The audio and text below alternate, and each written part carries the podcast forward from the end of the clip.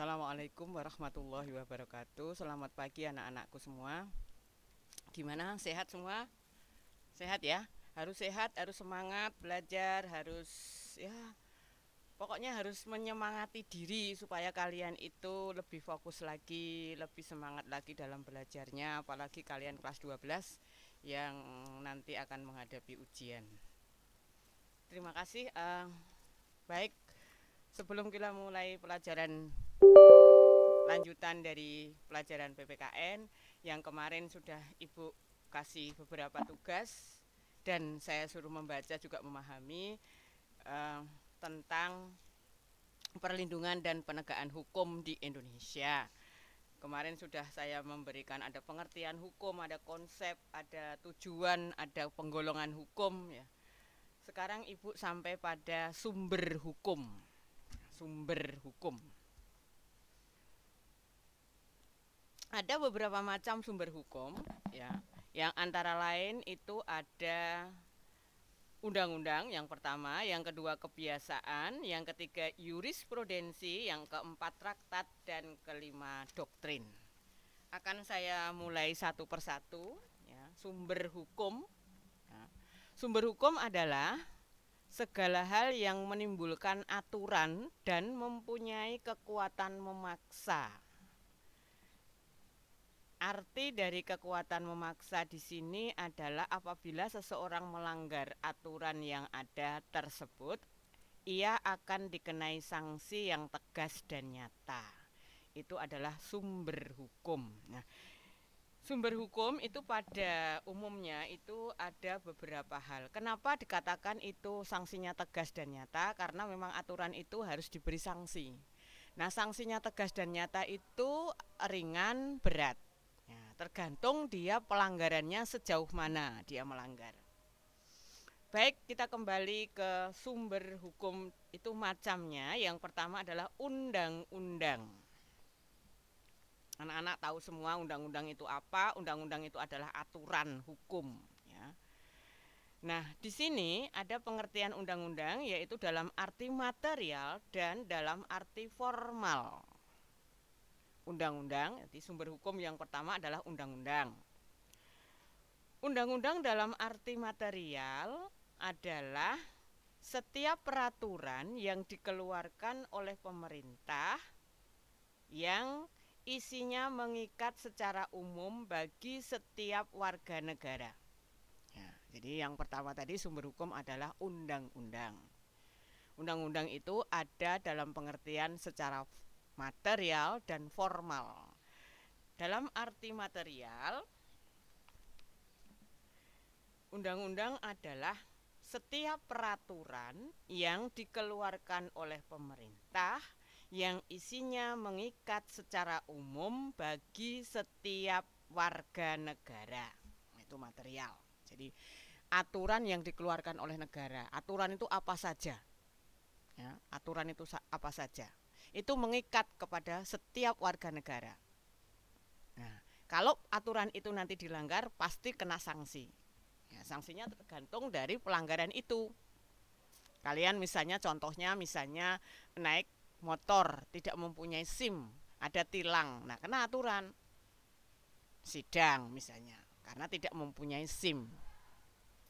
Ya. Itu adalah aturan yang sudah dikeluarkan oleh negara. Itu material. Adapun undang-undang dalam arti formal adalah setiap peraturan yang karena bentuknya disebut sebagai undang-undang. Nah, ini ini ini bedanya di situ. Nah, jadi karena bentuknya, bentuknya seperti itu, maka itu disebut undang-undang. Nah, undang-undang itu macam-macam ada undang-undang lalu lintas, ada undang-undang pendidikan, ya, ada undang-undang tentang kesehatan. Nah, undang-undang itu dikatakan formal karena sesuai bentuknya, bentuknya dari isi dari undang-undang itu. Kalau mengenai masalah e, pendidikan, ya, nah itu otomatis undang-undang pendidikan. Kalau itu masalah aturan-aturan yang lain sesuai dengan bentuknya isi dari undang-undang itu apa? Itu secara formal ya. Jelas ya anak-anak. Yang pertama adalah tadi sumber hukum tadi adalah satu undang-undang. Sudah ibu jelaskan mengertai mengenai apa pengertian undang-undang secara material dan secara formal nanti anak-anak kalau kurang jelas bisa melihat di Google atau di buku atau literatur yang lain. Silahkan dicari ada. Atau buku PPKN itu juga ada. Itu ya. Yang kedua sumber hukum yang kedua itu adalah kebiasaan. Kebiasaan ini sering disebut dengan hukum tidak tertulis kalau undang-undang itu hukum tertulis karena dibukukan. Nah, ini kebiasaan ini tidak hukum tidak tertulis.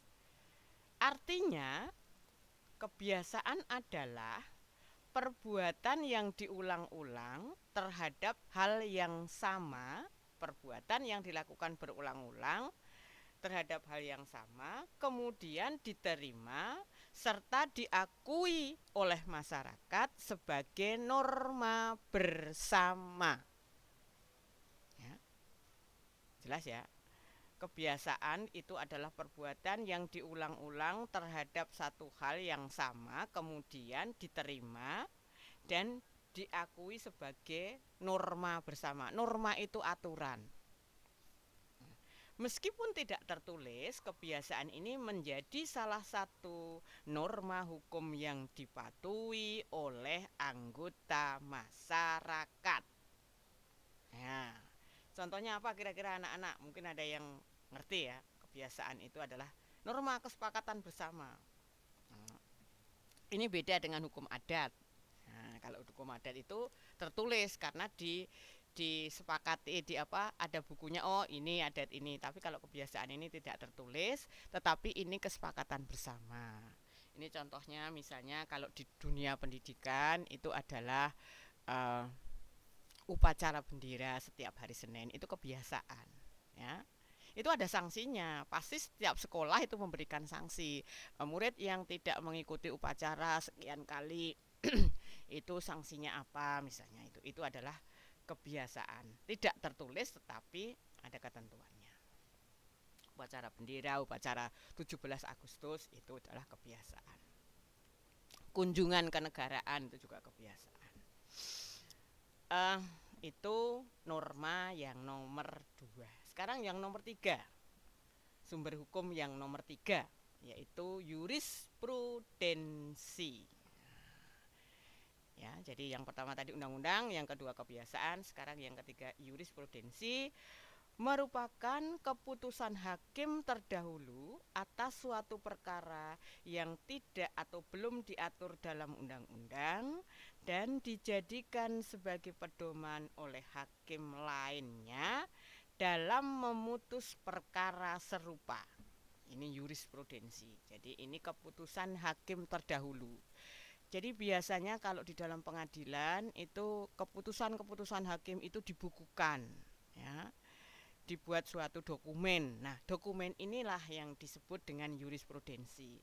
Apabila nanti e, kalian akan menjadi hakim, ada yang ingin menjadi hakim, itu seperti biasanya di dalam proses pengadilan itu jurisprudensi itu harus dipakai. Karena biasanya dalam proses perkara itu ada yang sama perkaranya itu. Paling tidak itu mirip.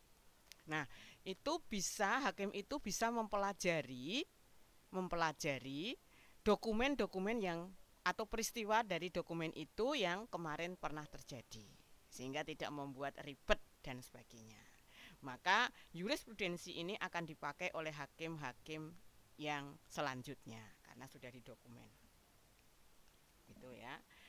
Ketika membuat jurisprudensi, seorang hakim tidaklah serta-merta membuat suatu keputusan tanpa melalui berbagai analisis pada hukum pada umumnya hakim melakukan penafsiran pada saat hendak membuat jurisprudensi. Jadi tidak mencontoh persis tidak ya.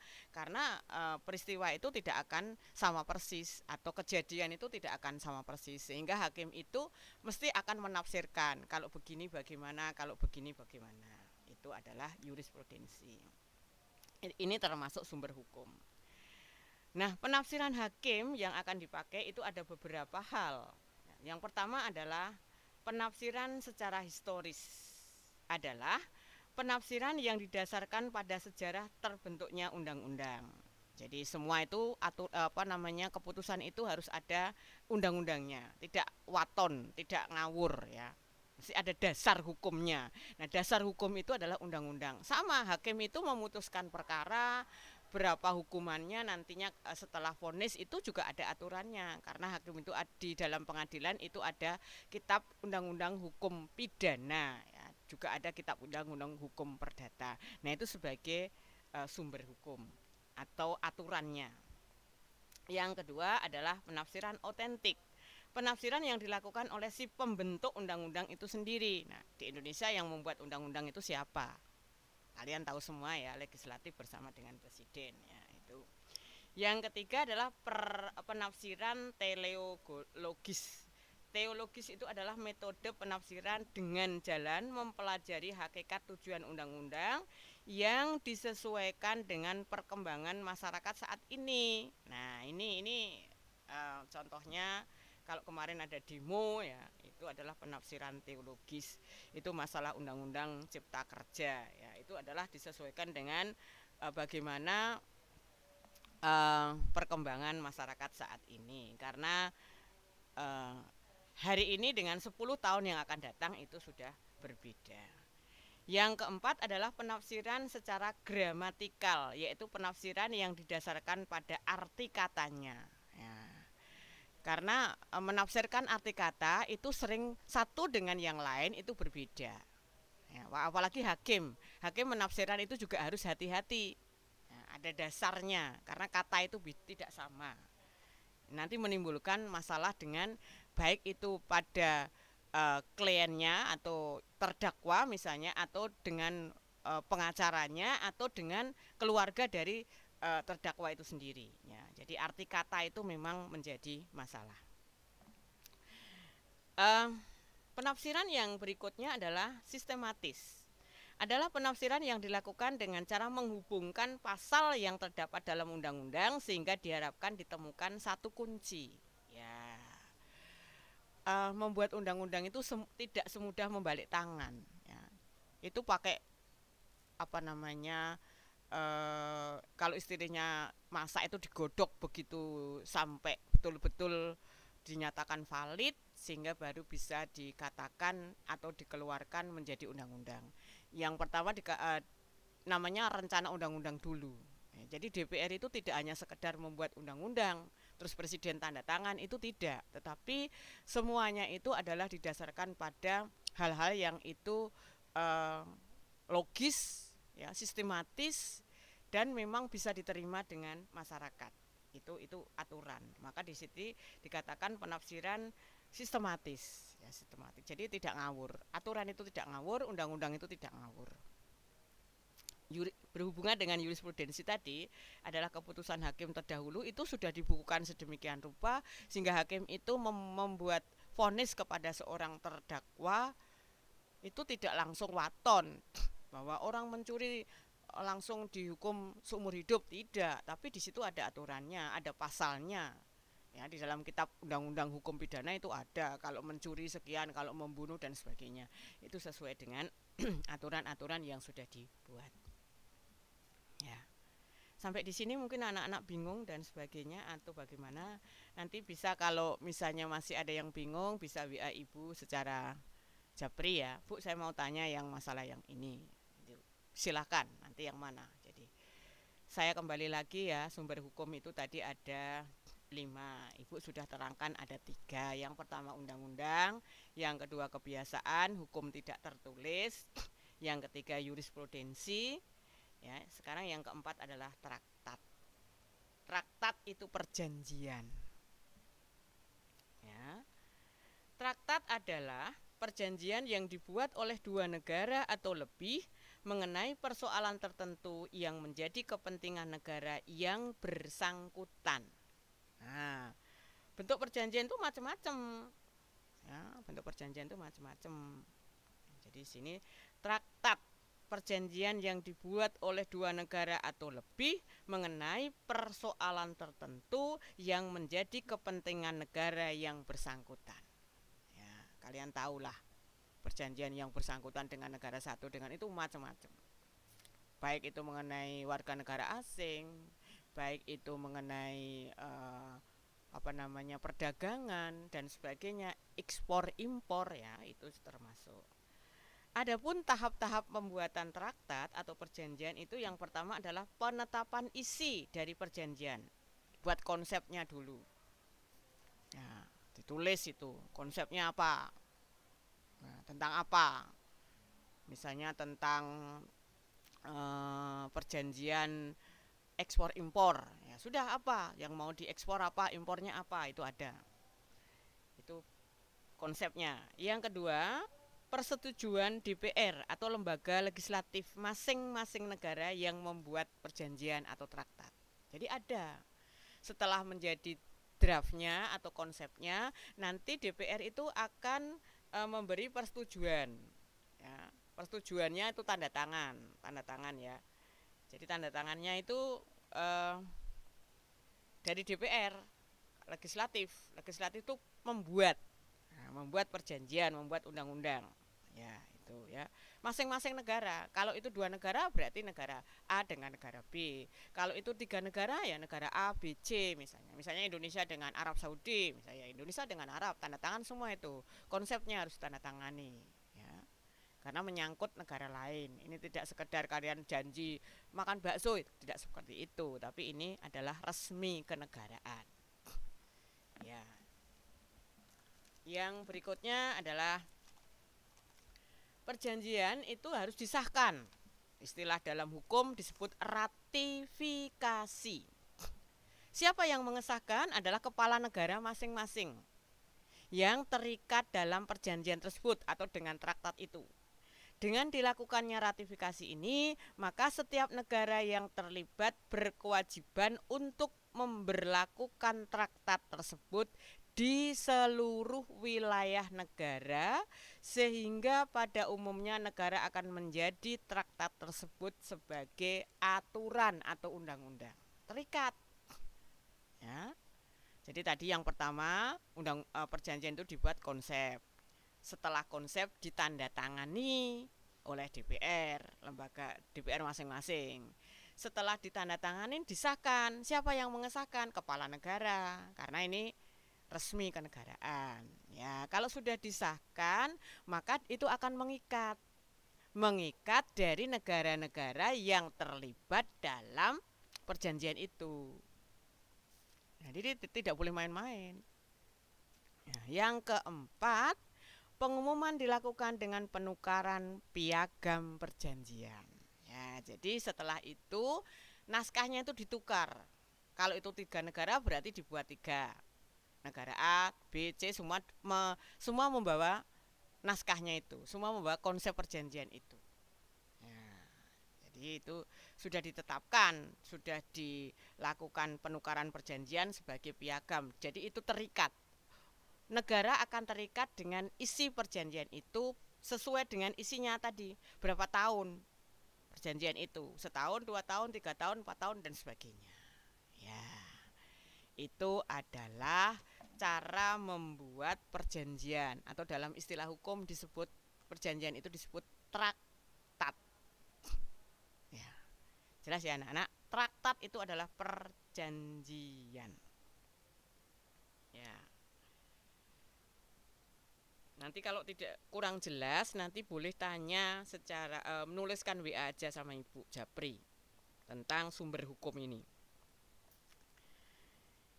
Sumber hukum yang kelima itu adalah doktrin anak-anak. Doktrin. Doktrin itu kalau orang mengatakan ajaran, tapi di sini dalam istilah hukum itu disebut pendapat para ahli hukum terkemuka. Nah, doktrin itu bukan ajaran. Doktrin kamu gini gini gini enggak. Kalau di dalam sumber hukum doktrin itu adalah eh, pendapat para ahli hukum terkemuka yang dijadikan sebagai dasar atau asas-asas penting dalam dalam hukum dan penerapannya. kalian sering membaca misalnya hukum menurut hukum menurut ahli atau pendapat apa saja tentang ahli siapa. Nah, itu adalah doktrin, pendapat para ahli hukum terkemuka yang dia memberikan atau beliau memberikan pendapatnya tentang apa-apa-apa itu adalah doktrin.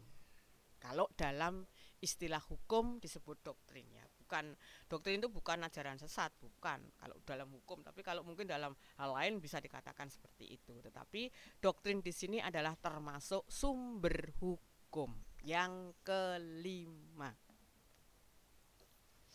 itu anak-anak. Jadi ada lima sumber hukum. Yang pertama tadi undang-undang yang kedua kebiasaan yang ketiga adalah jurisprudensi yang keempat traktat dan yang kelima adalah doktrin. Doktrin itu pendapat para ahli hukum terkemuka yang dijadikan sebagai dasar atau asas-asas penting dalam hukum dan penerapannya. Jadi hukum diberlakukan itu ada asas-asasnya, tidak sekedar harus manusiawi, ya, harus manusiawi, tidak sekedar begitu saja. Nanti nih, kalau hukum diterapkan sakar PDW nanti istilahnya terus main hakim sendiri itu tidak boleh. Ya.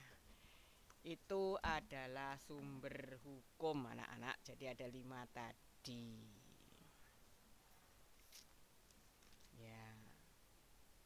bagaimana? Jelas anak-anak tentang sumber hukum. Nanti ibu akan memberikan satu lagi yang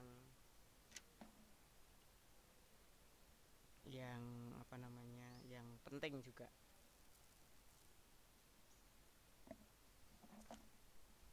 Sedikit lagi. Yaitu tentang perlindungan dan penegakan hukum di Indonesia. Ini ini yang menjadi sekarang ini menjadi macam-macam ya di lapangan itu. Jadi maaf ya demo itu terus anarkis. Ya, ini uh, penegakan dan pelindungan hukumnya nanti yang repot.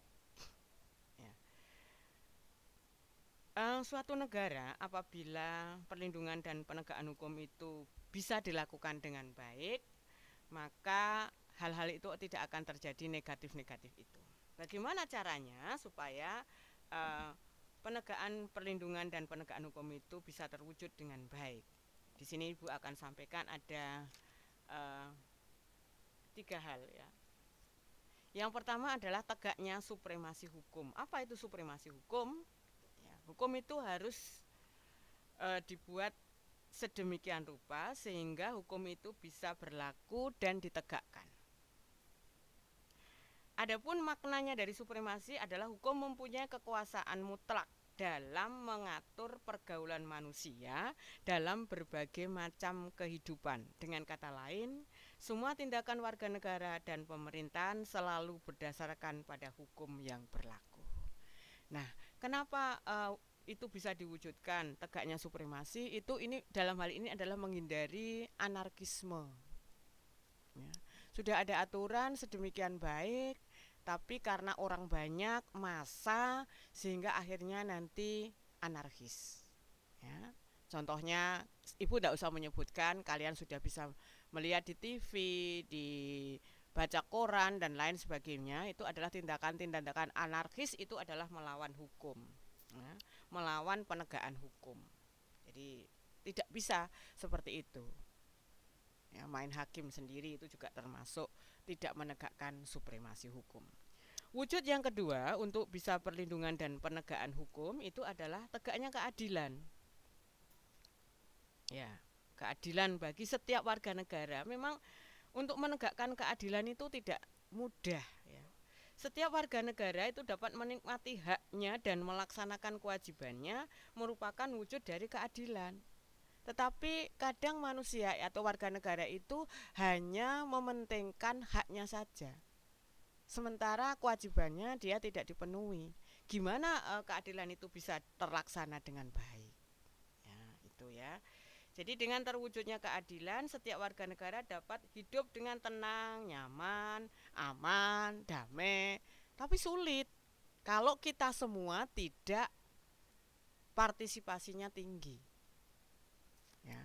contohnya misalnya maaf ini demo kemarin dengan adanya anarkis akhirnya siapa ya kita semua yang harus kerja untuk membersihkan. Seperti kemarin contohnya di Malioboro karena di Yogyakarta kita tinggal di Yogyakarta. Akhirnya ayo masyarakat dengan sukarela membersihkan Malioboro membersihkan gedung DPR ya DPRD nah itu seperti itu.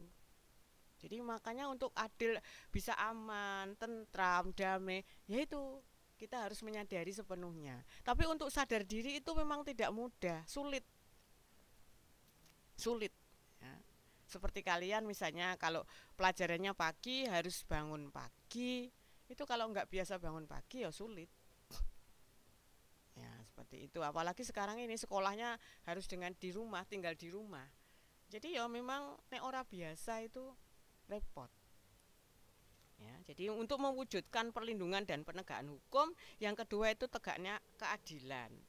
Adil itu tidak mudah maka harus disadari sepenuhnya setiap warga negara jangan hanya menuntut hak haknya saja, tetapi kewajiban harus diutamakan. Itu. Ya.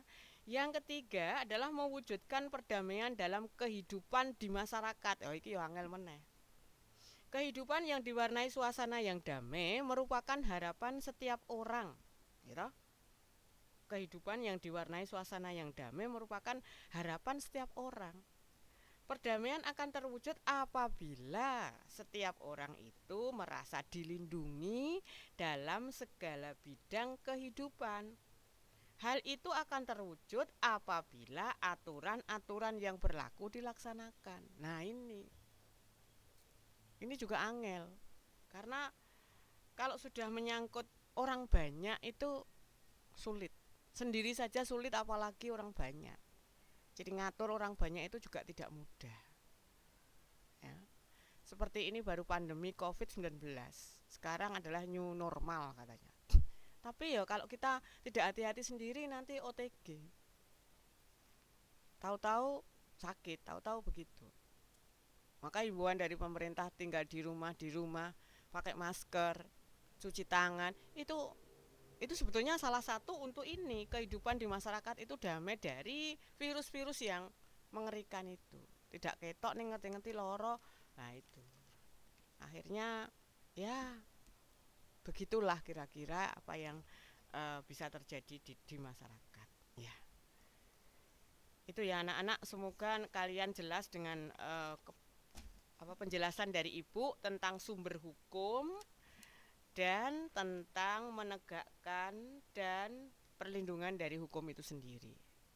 Jadi ada beberapa hal. Kalau kemarin kalian sudah mempelajari, sudah mengisi, sudah menjawab tentang unsur hukum, maka tadi saya tambahkan tentang wujud daripada perlindungan dan penegakan hukum. Yang pertama adalah tegaknya supremasi. Supremasi itu hukum itu harus ditegakkan. Yang kedua tegaknya keadilan, yang ketiga mewujudkan perdamaian dalam kehidupan di masyarakat. Ya. Itu yang bisa Ibu sampaikan untuk hari ini. E, nanti kalau masih ada yang kurang jelas atau ingin bertanya tentang masalah hukum, ya, nanti bisa japri Ibu. Bu, saya mau tanya tentang ini, ini, ini, ini, bagaimana? Nanti kita diskusi sama-sama bisa uh, di WA Japrian sama Ibu tentang masalah uh, sumber hukum dan pewujudan perlindungan dan penegakan hukum khususnya di Indonesia karena kita tinggal di Indonesia. Ya itu dulu anak-anak yang bisa saya sampaikan. Besok lain waktu kita sambung lagi. Uh, harapan ibu kalian tetap pada belajar dengan tekun dengan semangat walaupun di rumah tetap harus semangat sabar ikhlas ya. Karena ini juga untuk menjaga kesehatan kita bersama. Yang penting kalian tetap semangat itu saja sudah luar biasa. Ya, jadi kalau ada tugas-tugas dari Bapak Ibu guru segera segera untuk dilunasi yang kira-kira tugasmu itu belum ada. PPKN itu sebetulnya banyak, tetapi kalian yo delio. Nek merasa itu saya merasa punya utang tugas yo harusnya bagaimana gitu. Itu aja himbauan dari Ibu uh, yang penting kalian tetap semangat semangat semangat semangat ya Demikian yang bisa saya sampaikan pagi ini tentang uh, pelajaran PPKN ya. Besok kita sambung lagi. Uh, mohon maaf bila ada kata-kata yang kurang berkenan di hati kalian. Ya, karena manusia itu memang gudangnya salah ya. Saya minta maaf. Dan uh, akhirul kalam. Assalamualaikum warahmatullahi wabarakatuh. Terima kasih matur nuwun banget. Selamat siang. Ya, Mas.